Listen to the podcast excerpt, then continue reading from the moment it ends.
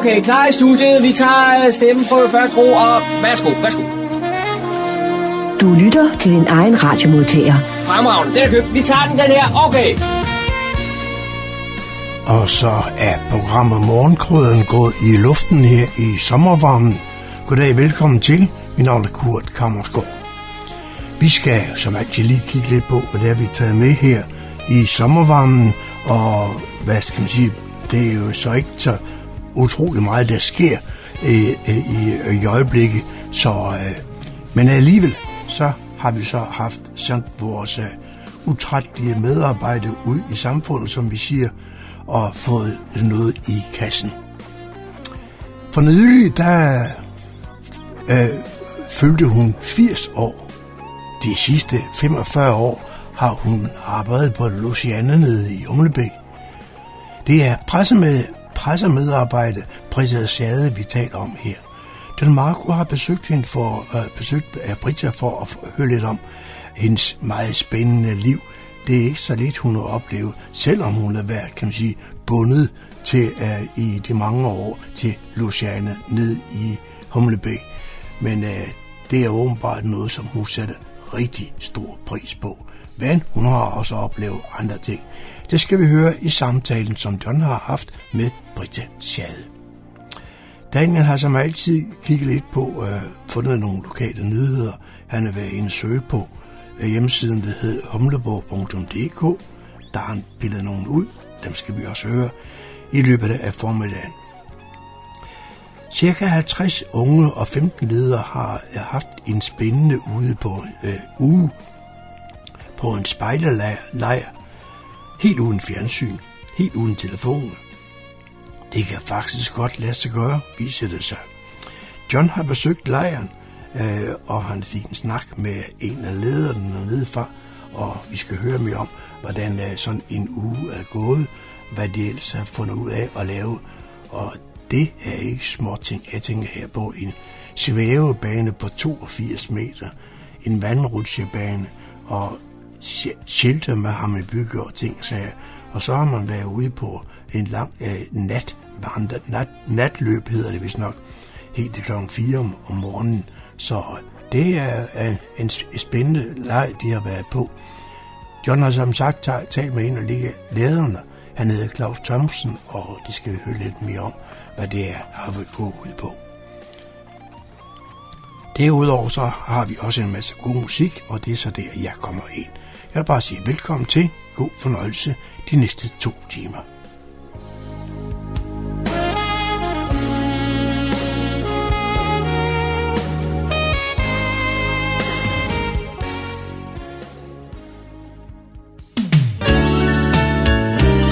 Du lytter til Morgenkrydderen. I studiet er det Kurt Kammerskov. Jeg sidder her i Jellerød Have i Kokkedal, og jeg har inviteret mig selv indenfor hos øh, Brita Sjade. Øh, Brita, hvad er du for en størrelse? Ui, hvad er en størrelse? Altså, tænker du nu fysisk eller psykisk? Altså, jeg er jo ikke ret stor, altså høj, vel? Men øh, ja, jeg hedder Brita Sjade, og øh, arbejder på Luciana som pressemedarbejder. Jeg kan regne ud, du vil godt vide lidt mere om mig. Ja, altså øh, født i 1941, en glimrende vinårgang, selvom jeg ikke må drikke vin mere. Men i hvert fald, øh, så øh, efter Sverige, så boede i København, så jeg boet i Rungsted, og øh, var, det var mange år siden, kan du regne ud. Gik i skole der, og ved du, jeg kan fortælle noget sjovt. Øh, vi var nogle piger fra Rungsted privatskole. Der var ikke en kommuneskole dengang, som Sten Ejder Rasmus nu byggede senere. Ikke? Og så kan jeg huske, at vi en dag gik over på perronen øh, Øh, i Rungsted station. Så kom der en kvinde, øh, jeg tror jeg var omkring 8 år. En kvinde med sådan noget tørklæde eller turban. Og med sådan nogle smukke, smilende øjne. Jeg kan huske dem den dag i dag. Og jeg havde ikke hørt om det, jeg vidste ikke, hvem det var så fik vi at vide, at det var Karen Bliksen. Det var lidt skægt, fordi øh, jeg har altid fået at vide, jeg mødte hende også senere, jeg kender hende slet ikke, har aldrig talt med hende, men hun kom hen til os tre piger og smilede. Altså det er hende, jeg husker, øh, det er den smilende øh, Karen Bliksen, ikke? Men så tror jeg, hun også kan være andet, kunne være andet end smilende. Ikke? Men øh, der ved at nu øh, gik jeg på Rungsted Privatskole, som sagt, og på et tidspunkt, jeg, jeg, jeg kan huske i skolen, noget jeg aldrig kunne finde ud af, det var matematik, altså regning. Jeg var meget dårlig til regning. Jeg kunne bedst lide at læse op og alt sådan noget med, med dansk. Nå, men øh, så kører vi jo videre, for ellers kan vi jo blive ved i 1001 nat, og det er for længe. Selvom det kunne være hyggeligt nok, ikke? Men øh, så øh, videre fra Rungsted Statsskole, hvor fra privatskolen, der forsøgte jeg at komme på Rungsted Statsskole. Sjov nok, den lå der, hvor det der hedder, tror jeg, privat, øh, der hvor privatskolen ligger i dag. Alt er jo flyttet, kan du godt regne ud i al den der tid, ikke? Men så kom jeg på Rungsted Statsskole, som, nu, som lå på Valrød Banevej, som nu er flyttet. Og nu er det Rungsted Gymnasium, ikke? Og det var mellemskole, og jeg blev, for at gøre en kort historie lang, for at gøre en lang historie kort, jeg ved ikke, hvad du vælger, altså, for at gøre en lang historie kort, så blev jeg sproglig, det hed nysproglig student i 1960. Og hvad søren skulle jeg så? Jeg kunne godt lide at skrive, og jeg havde en, øh, en så sød og utrolig tålmodig dansklærer, fordi øh, jeg elskede frit emne. Man sagde, det var for de lidt dumme, fordi øh, det ved jeg ikke, men det kan godt være, det er rigtigt. Man kan jo være dum og klog på forskellige måder. Ikke? Men øh, så skrev jeg tit digte, øh, som i det frie emner. og stakkels den dansklærer, hvad skulle han dog gøre, ikke? For at rette digte? Altså, jeg var uforbederlig romantiker og gik i skoven og skrev digte og sammen med en anden pige, kan jeg huske. Ikke? Men, øh, men hvad hedder det nu? Men han rettede det meget menneskeligt. Han var et menneske. Jeg kan så godt lide mennesker, som, som er mennesker, øh, som bare er sig selv, og som også er imødekommende. Det synes jeg sørger er vigtigt i livet. Så øh, jeg blev student, men ved Gud, ikke med den bedste karakter. Efter du så var færdig med, med, med skolegangen, som man kan kalde det, ja. så tog du øh, sydpå i Europa.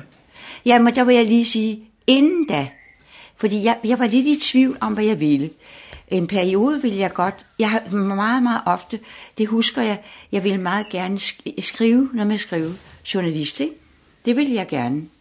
Så vil jeg læse psykologi, så vil jeg læse religionshistorie, så vil jeg være skuespiller. Altså, jeg tror, ja, altså, jeg vil lidt af hvert. Altså, jeg ved ikke, øh, jeg var ikke sådan en, der sagde, jeg vil sådan og sådan. Jeg har en bror, du, som jeg holder meget af, taler med ham hver dag i telefonen som han er forsker. Lige siden han var lille, ville han være dyrlæge. Han blev det. Det var meget sjovt, ikke? Men, men øh, jeg vil nu også det, men jeg har slet ikke, ud øh, at gå foran en hest og holde en hest og sådan noget. Jeg, du kan se med mig, jeg skulle så lille, ikke? Det vil jeg jo ikke være i stand til. Nå, men så mange ting, jeg, jeg vil. Så tænkte jeg, nej, nu går jeg ind. Der er noget, der hedder filosofikum på universitetet. Det er et år, inden man begynder på, på sit rigtige studium i går så en rigtig studium, ikke? så tager man et år, der hedder filosofikum. Ikke? For at begynde, så skulle man det dengang. Det er så blevet sløjfet, men man taler faktisk om at få det genindført. Så det gik jeg ind på universitetet for at, spise på noget, der kanibalen.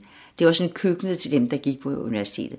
Jeg, jeg tror, det var meget nysgerrighed. Og så, altså, øh, hvad, hvad er det egentlig for noget? Ikke? Og noget synes jeg var interessant. Noget forstod jeg overhovedet ikke. Altså, sådan, sådan må det være, ikke? Men, men øh, øh, jeg fik den der øh, filosofikum-eksamen, og så, øh, så tænkte jeg, nej, jeg skal vist også have en sekretæreksamen, fordi jeg tænkte, det er meget godt at kunne lidt forskelligt. Ikke? Så jeg gik ind på noget, der hedder Mercedes-skolen, og der lærte jeg at skrive tifingersystem, blindskrift. Og jeg skrev virkelig godt, for jeg skrev så hurtigt. Altså det, det var jeg god nok til. Men der var så mange andre ting. Man skulle stenografere. Og hvad har jeg egentlig brug for det i dag? Men altså, okay, okay det, øh, jeg lærte det, og så blev jeg sekretær. Jeg havde fået filosofikum, og jeg blev sekretær. Lidt til at falde, jeg tror mine forældre sagde noget, eller noget med, så har man altid noget at falde tilbage på, ikke? Åh, oh, jeg kan ikke holde det ud. Men det er jo nok meget rigtigt, ikke? Men der er jo tusind ting, og så, øh, men, men altså, nu tager vi noget af det, ikke? Og så øh, tænker jeg, øh, jeg har altid godt kunne lide sprog, jeg synes det er sjovt. Jeg er meget, meget dårlig til, til regning og matematik håbløs. Og jeg har haft den sødeste øh, Øh, matematiklærer. Utrolig sød og tålmodig. Desværre lever han ikke mere. Han kunne stå i kvarter en halv time Jeg forstår det ikke, du. Jeg tror, jeg mangler en dimension op i, mit, i min hjerne. Ikke? Nå, men i hvert fald sprog, det gik det godt med. Og så var der et sted i Lausanne i Schweiz, en region, der hedder Vaud. Og dernede i Lausanne, der kunne man komme ned, bo hos en familie, og så kunne man gå til noget om dagen, og hvor jeg så skulle lære fransk. Fordi du ved, jeg gik nok i sproglig øh, gymnasium, ikke? Men altså, man lærte jo ikke at tale det. Man lærte at læse det op, og jeg synes, det var sjovt, og jeg havde sådan en sød lærer. Gud, det er Furinækker, Elina Olofsen, som du sikkert har hørt om, ikke? Og vi havde det så godt sammen. Hun er jo desværre lige død. Meget, meget god kunstner. Og god til at skrive tekster, og god til at lave collager. Vi kunne godt sammen. Og vi holdt forbindelsen faktisk også efter efter skolen. Ikke? Nå, men, men i hvert fald, så, så jeg tog til Lausanne og boede hos en sjov familie. Ja, helt, altså, det var fint nok, ikke? Og boede i et værelse, hvor jeg, jeg troede, jeg skulle op til et sted, hvor jeg skulle se ud over bjergen. Og, så, og jeg, man kørte længere og længere op, ikke? Og jeg kom længere og længere væk fra de her bjerge. Men der kom jeg hos en familie, og så gik i skole jo om dagen, og Fem måneder var jeg dernede. De første to-tre måneder, eller to måneder, ved du hvad, jeg følte mig lidt ensom. Det kan man jo godt gøre, uden at være i Lausanne, ikke? Men, men i hvert fald, fordi jeg synes, det var svært. Grammatikken håbløs. Men så pludselig en dag, så, så var den der. Det var som en, en, du ved, en melodi, som et det sidder ind i hovedet, og som et, så kan du. Så der må jeg sige, der lærte jeg faktisk at tale. Altså, øh, oui, ça va, Øh, jeg har lært at tale fransk dernede. Så har jeg nogle gode venner og familie i Frankrig. Der har jeg jo også lært at tale det. Ikke? Så, så det har været godt for mig. Øh, ja, så står jeg der og skal hjem. Og hvad gør jeg så?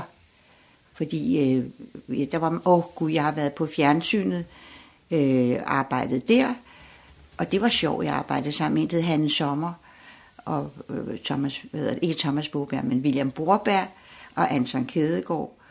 Og det var sjovt at snuse til det. Det var det. Og så har jeg været på nordisk film. Det var også sjovt. en signet liv, gud. Det har altså været lidt vilde liv, ikke? Men det var sjovt at snuse til det. Og finde, det var dengang, man klippede, rigtig klippede, ikke som man gør nu digitalt, ikke? Øh, men det var interessant, så jeg var med statist i nogle reklamefilm, ikke? Og så fandt jeg ud af, at jeg bestemt ikke havde talent for at klippe film. Det, det var jeg, havde jeg ikke talent for. Men det var sjovt at snuse til det, ikke? Og så var jeg på populær mekanik for at snuse til, hvordan det var at skrive der. Og det kan du regne ud, populær mekanik og mig, det var helt forfærdeligt. Så jeg fik tilbudt en stilling på tidens kvinder. Og så tænkte jeg, nu er det vist på tide at lave et eller andet, øh, altså mere med hold i det, ikke? Så jeg kom på Handelshøjskolen, det der hedder CBS nu i København, og havde søgt ind på øh, korrespondent, træsproglig korrespondenteksamen. Tysk, engelsk og fransk, ikke? Og der boede, øh, så samtidig øh, var jeg flyttet hjemmefra. Jeg boede i Hørsholm med min mor og min far og min bror, men så boede jeg så i et værelse. Det var svært, du ved, at komme fra Lausanne og så flytte hjem igen. Men så, så fandt jeg et, et værelse, for jeg kunne også godt lide trygheden med at være tæt på mine forældre og min bror. Det med tryghed, det er vigtigt for mig. Så, øh, så kom jeg så på Mønsted, Otto Mønsteds Kollegium, og samtidig øh, på Handelshøjskolen. Og der læste jeg til 60 korrespondent. Og jeg vil sige, det er det mest kedelige. Jeg, uh, nej, undskyld. Det var kedeligt. Men så havde vi indimellem nogle gode lærere, og jeg lærte, jeg lærte en del, ikke? Så, det, så jeg blev det. Jeg blev ved Gud 60 korrespondent, ikke? Men øh, jeg er kommet her, Brisa, for at høre lidt om dine nu 45 år på, på Louisiana. Og øh, hvordan startede det egentlig? Ja, øh, nu skal vi selvfølgelig ikke have alt det udenom, men, men øh, øh, det var... Jeg havde været, jeg vil lige sige kort, jeg havde været på noget, der hedder Hørsom Avis, fordi jeg ville gerne med noget med journalistik. Og så havde jeg været på Femina, og fandt ud af, hvor svært det egentlig er. Det var dengang, du ved, med deadlines, og altså, øh, at det, det, det er svært at være en god journalist. Alt der, alt, der skal være godt, det kræver, det ved du selv ikke, det kræver arbejde. Og jeg fandt ud af, at jeg, jeg er sådan lidt et øh, citrende menneske, ikke? så det kunne godt blive lidt for svært med, med de der deadlines. Og, men jeg ville gerne til øh, journalistikkens vej.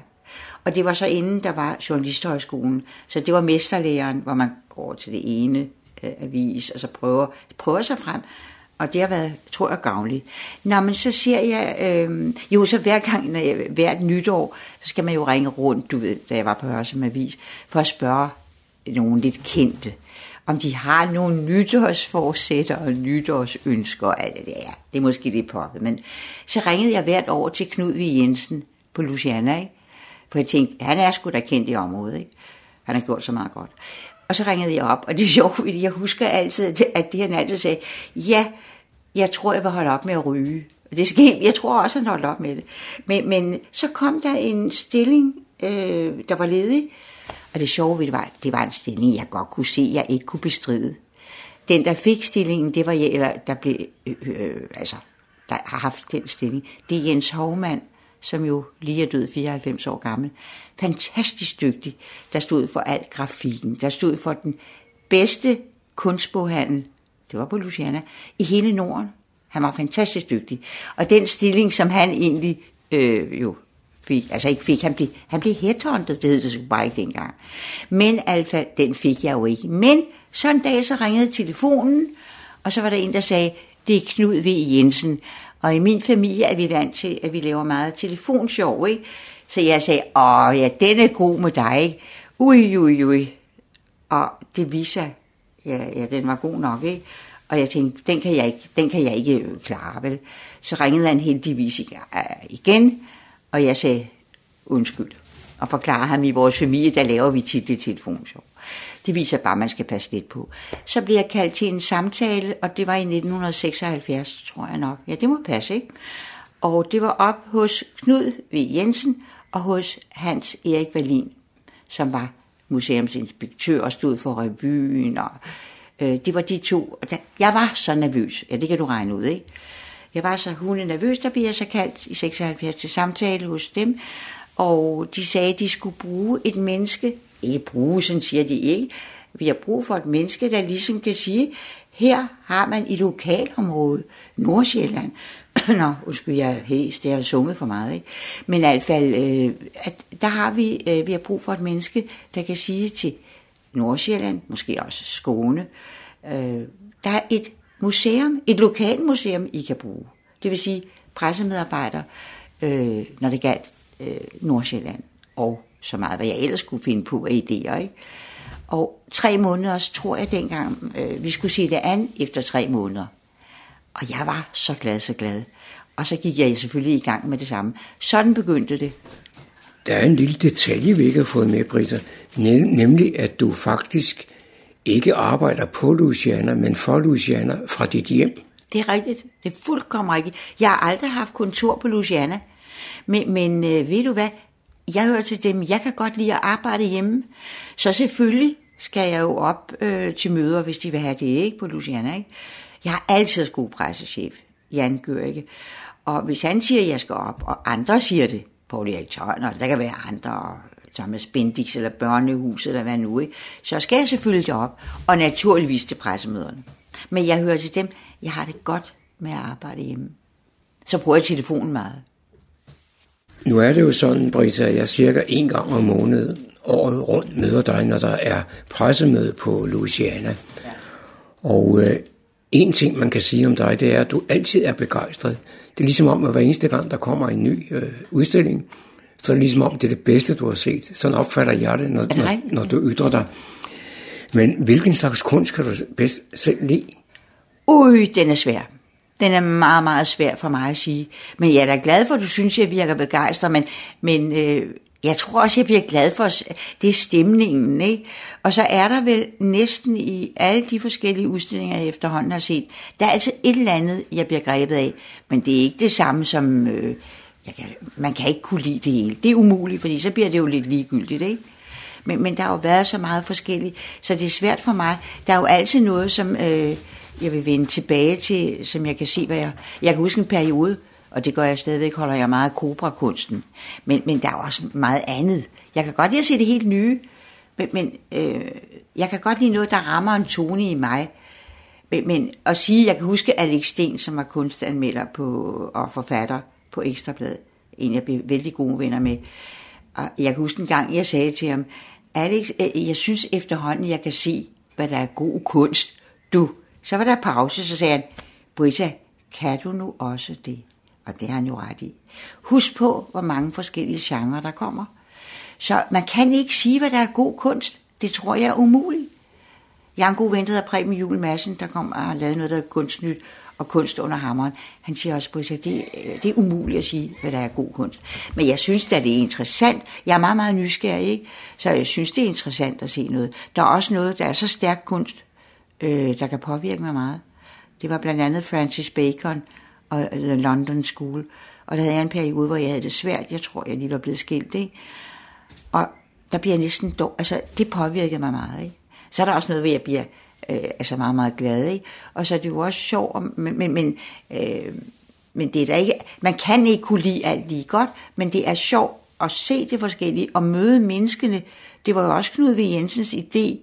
Det var, at Luciana også skulle være et sted, hvor der naturligvis var, var kunst, billedkunst, men også hvor der var meget andet, et musisk mødested hvor der var foredrag, hvor der var Luciana Live i dag, ikke? Og, og litteratur, altså, øh, og børnehuset, og Luciana Learning.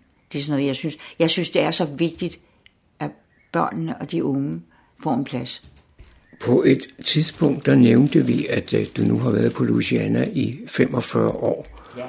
Og jeg ved, at du netop har rundet de 80, og det vil sige, at du var 35, da du startede. Ja. Men en kvinde på 80 år, der har arbejdet, det er ikke helt almindeligt. De fleste trækker sig i starten af 60'erne. Men, men du holder ved. Jamen ved du hvad, det skal ikke ved det er jo, at det er en del af, af livet for mig. Så, så længe de kan holde mig ud, du ved, deroppe, og så længe jeg kan klare det, ikke? Så du må, du må lige regne med, det er jo ikke et heldags job. Altså det er det jo ikke. Det er jo ikke fra 9 til 4. Pludselig kan jeg sidde en lørdag og søndag, en lørdag eller søndag, hvor der er nogen, der har brug for noget. Altså det er ikke på den måde, vel? Men selvfølgelig, tingene skal jo afleveres, sendes mails til pressen, ikke? Det skal det jo. Og hvis pressen så, forleden dag var der en, der ringede til mig, om jeg kunne skaffe et billede af Jens Hormann, ikke? Altså du ved, det er ikke på den måde, vel? Så længe jeg synes, det er sjovt, så længe jeg kan huske, så længe de kan holde mig ud, altså holde mig ud, ved, hvad jeg mener, altså. Men, men synes, at det går, ikke? Og du synes stadigvæk selv, at der, der, det er spændende? Jeg synes, det, øh, jeg synes, at jeg lærer noget, og jeg bliver inspireret af det. Og jeg synes også, det er sjovt at møde pressen til pressemøderne. Det synes jeg også. Jeg synes, det er sjovt. Og så skriver jeg nogle haiku-digte, altså jeg kan godt lide at skrive, ikke? Så, øh, så ja, nej, jeg kan godt lide det. Det med alder er jo noget mærkværdigt noget, ikke? Altså 7 i 13, så længe jeg kan huske, ikke? Og så længe jeg kan finde ud af at klare det, øh, så, så vil jeg gerne. Da du fik ansættelse på Louisiana for de her 45 år siden, som vi har talt om nogle gange nu, der fik du også et stykke papir i hånden. Nej, det er sjovt, det fik jeg faktisk ikke. Det gjorde man ikke dengang. Jeg skulle ikke skrive under på noget, men så på et tidspunkt, det var af vores personalechef, der hed Annette Lindholm, det var dengang, i dag hedder hun noget andet, hun er holdt op, men, men øh, så ville hun godt have, at jeg skulle lave en arbejdsbeskrivelse af min stilling som pressesekretær det hed pressesekretær dengang. Nu er det pressemedarbejder. Det indebar lidt det samme, ikke? Og det skulle jeg så lave. Og så forleden dag skulle jeg rydde op i nogle skuffer. Ved Gud, så fandt jeg den. Den er skrevet i 95. Og, og noget af det er jo lidt af det samme, ikke? Med, med netop, at jeg, skulle, jeg blev ansat af Knud V. Jensen, og han siger ikke Berlin, Øhm, og det var blandt andet for at gøre mennesker i omegnen af Louisiana opmærksom på, at her havde de et museum, et lokalmuseum, om du vil, nu skal jeg, du vil til hende, de kunne bruge. Et oplevelsessted, hvor de kunne mødes ikke blot til de skiftende udstillinger, men også til andre aktiviteter. Det kan man jo se netop i dag, ikke? Det var koncerter, og paneldiskussioner, og film og litteratur, og, og selvfølgelig ville, vi det, ville det være rart, hvis de ville melde sig ind i Luciana-klubben. Og det startede, klubben startede allerede i 1958. Og så gik jeg så i gang med at finde frem til øh, lokale aviser, også nogle dagblade, der udkom i Nordsjælland og i Skåne. Det var sjovt for mig, der kunne lidt svensk, ikke? Skånsk. Og, og dem kontaktede jeg, og så aftalte jeg, at vi skulle mødes på Luciana. Og det blev til gode, vi fik det, havde det sjovt, og det blev til artikler, og det blev faktisk begyndelsen til et samarbejde. Nogle af dem, ja en enkelt, har jeg stadigvæk kontakt med. Ikke? Og så sendte jeg pressemeddelelser til journalisterne på aviser om de forskellige arrangementer. Og så kom journalisterne også til pressemøderne. lokalradioen, du må regne med, det fra 95. Det er jo noget, der er først noget, der er dukket op i de senere år. Ikke? Nu i dag er der jo også tv, lokal tv, og, og så er der, dengang var der også noget med, at jeg gik til bankerne ved Gud, fordi jeg ville have plakater hængt op i alle bankfilialer. Så jeg gjorde ud ved alt muligt for at, for at sige, hey, gå op og kigge. Ikke? Og Knud ville synes, synes, det var godt, og så han sagde, at Berlin var min, var min chef i de fleste af de 19 Luciana år. Ikke? Og så var det Bo Bjergård bagefter, og i dag er jeg så heldig at have, øh, så er jeg Susanne Hartz, som du også kan huske, ikke? Og jeg ved ikke om, ja, så i dag har jeg en, en pressechef, som jeg er meget, meget glad for. Utrolig, som hedder øh, Jan Hybert øh, gør, ikke? Og det er sjovt, det er det. Og så hvis jeg er i tvivl om noget, øh, ja, så kan jeg altid øh, ringe op. Vi har meget, meget, altså den der åbenhed. Jeg kan ikke arbejde sammen med nogen, hvor der ikke er åbenhed. Så må man også have en ordentlig, gevaldig, altså hvis der, jeg har lavet noget forkert eller noget, det kan jeg jo komme til, det kan alle, ikke? Så må man bare tage det med, ikke? Så kommer der også noget ros, og det er sgu godt. Det er vigtigt, ikke?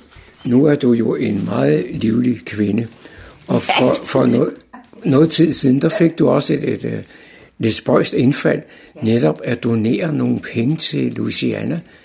Men øh, var det ikke dem, der skulle give dig penge? Jo, jeg får da også. Jeg får så meget der.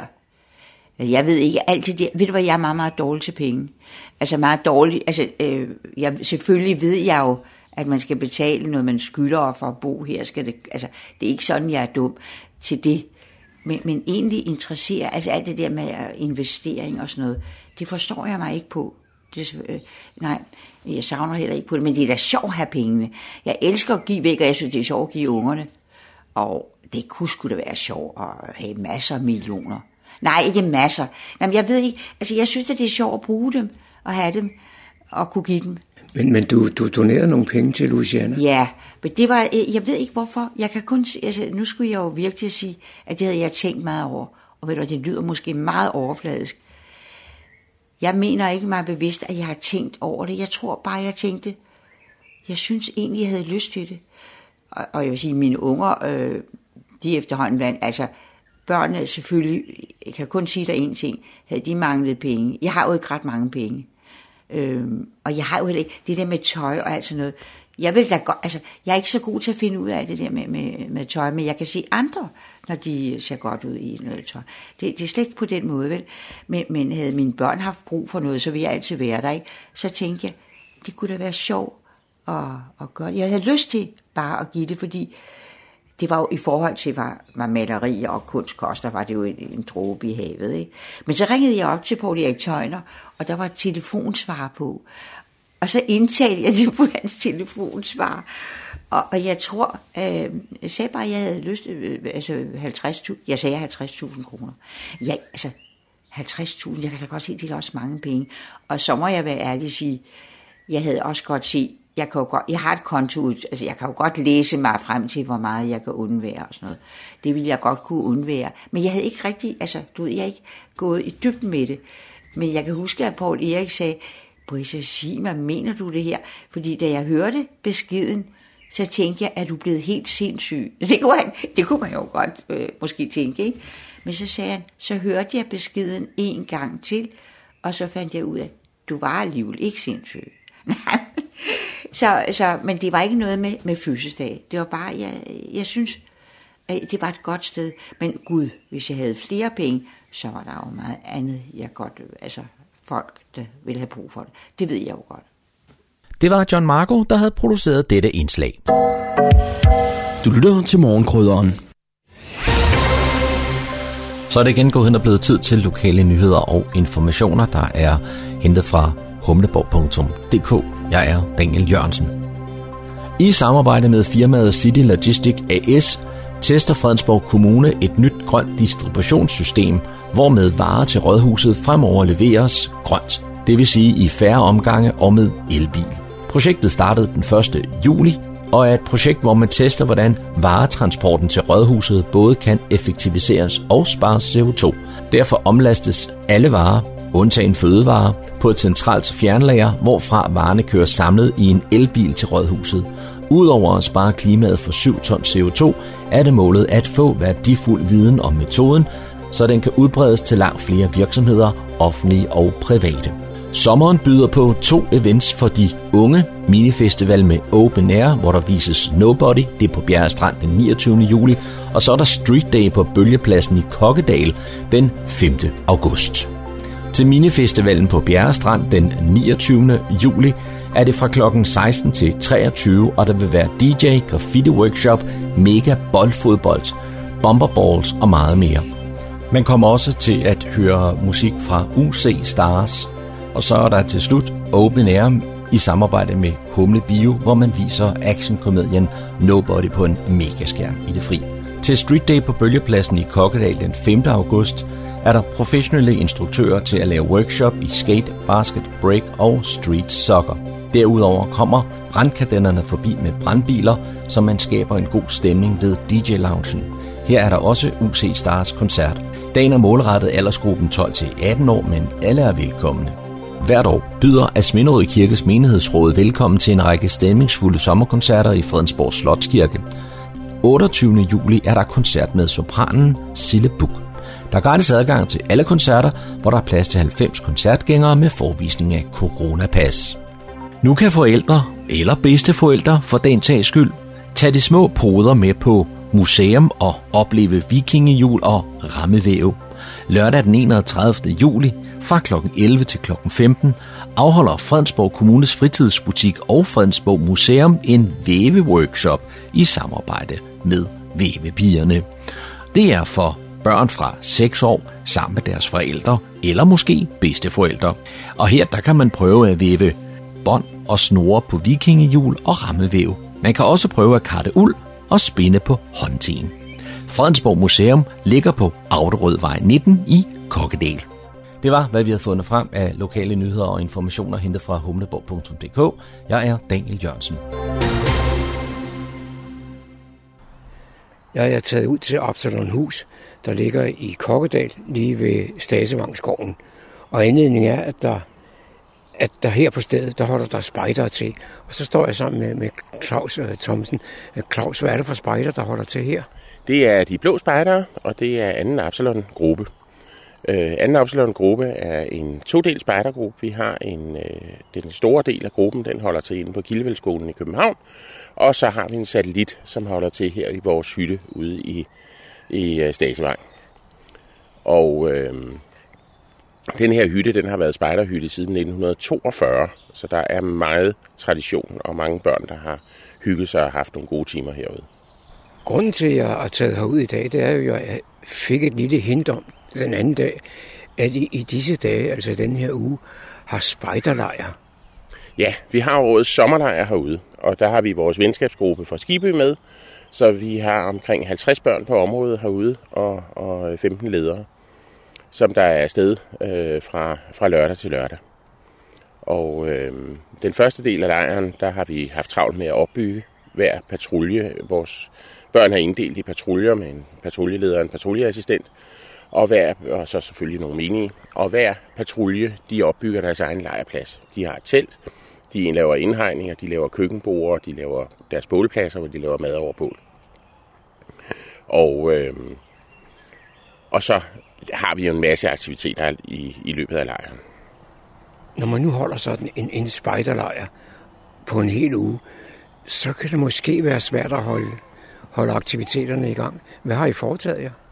Jamen, de første par dage er gået med at bygge lejren op, fordi det er jo en stor del af alle de her forskellige ting, der skal laves. Og så har vi jo så faktisk startet vi inden lejren bygget vores to store aktiviteter op, nemlig vores, øh, vores øh, 12 meter vandrutsjebane og vores øh, 80 meter svævebane, hvor vi har lavet plateau op imellem træerne, hvor man starter fra. Øh, I onsdags der var vi øh, hele dagen på bakken, hvor øh, børnene gik rundt patruljevis med øh, turpas og hyggede sig inde på bakken. Og øh, i går, der havde vi et lille event, fordi vores store spejdere øh, har sideløbende på sommerlejren, der har vi haft et løb kørende, hvor, øh, hvor, hvor løbet har omhandlet øh, frihedsbevægelsen under 2. verdenskrig, og de har haft forskellige sjove opgaver og natløb i skoven øh, med det her. Og i går kulminerede det lidt, fordi de skulle have en ny opgave, og den blev så leveret af kommandøren på en autentisk kampvogn fra 2. verdenskrig, som vi havde fået herud. Og bagefter så fik øh, børnene jo selvfølgelig lov til at få en køretur i den her kampvogn, og, og de fik lige lov til at, at se, hvad det var for noget. Og så bruger de jo en masse tid herude på netop at lege på vores vandrutsjebane og vores svævebane, som der kører så ofte, som vi kan. Nu ligger stedet her jo ikke ret langt fra, fra Alfarvej, tæt på motorvej med mere. Men alligevel så fornemmer man, at man er langt væk fra alting, når man er kommet herud. Ja, det her det er helt klart øh, vores lille gruppes perle af en spejderhytte.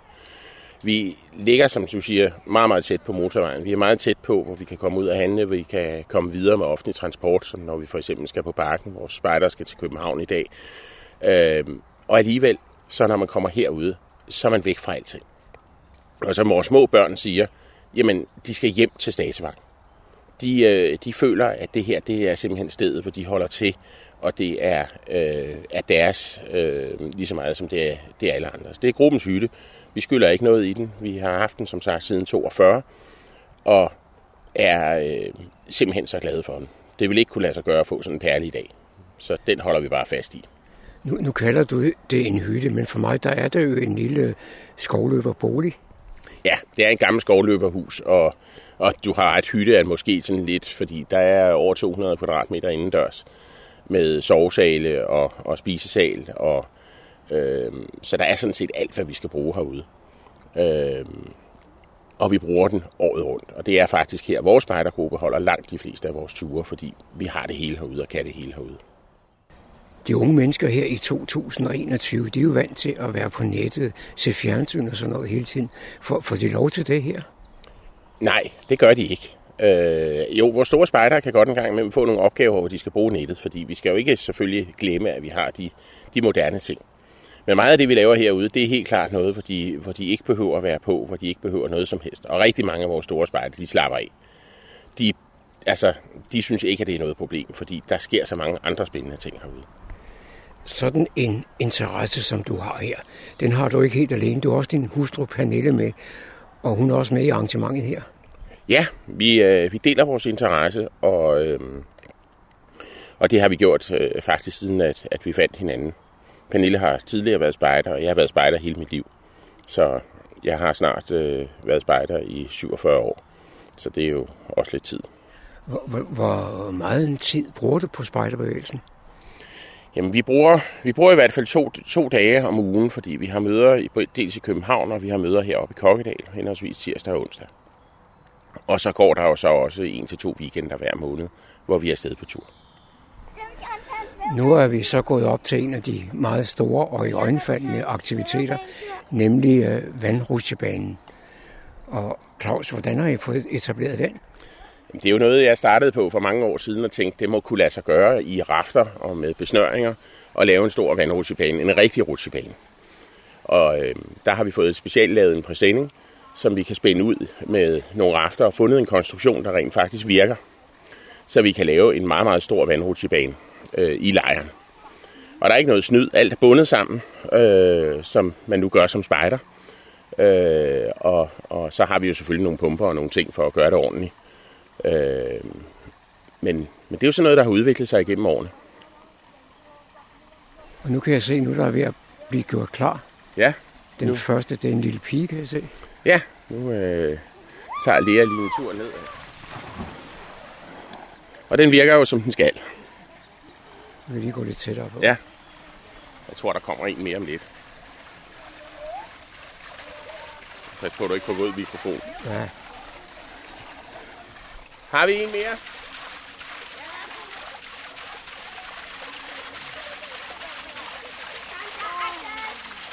Så kommer Axel.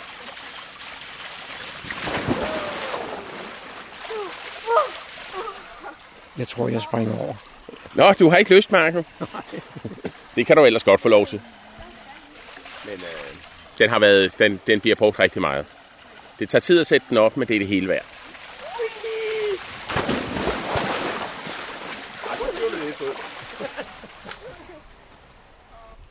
Nu er vi så gået ned i, ja, jeg kunne kalde det engen her nede ja. ved, ved bålpladserne. Og henover der går der et uh, togværk. Ja, der går 82 meter øh, svævbane, der er spændt op fra, fra toppen af nogle træer, og så ned til, til et stort egetræ, vi har nede i bunden. Og nu er en af ungerne på vej ned ad svævebanen.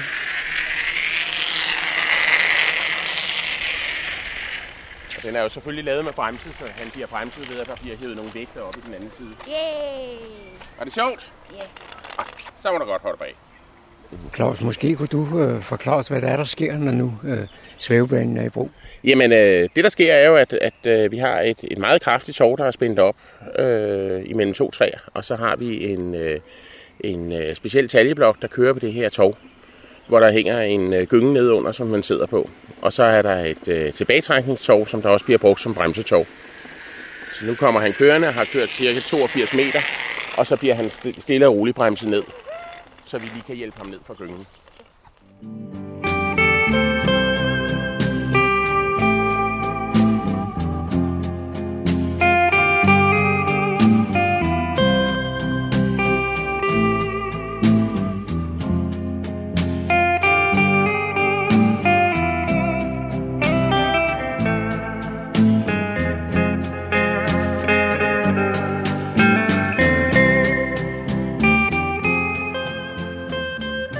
Disse toner fortæller os, at vi er nået til afslutningen på denne uges udgave af programmet, der hedder Morgenkrøden. Her fra redaktionen, som består af undertegnet, jeg hedder Kurt Kammersgaard. Ja, der siger jeg tak for nu, og på genhør en anden god gang.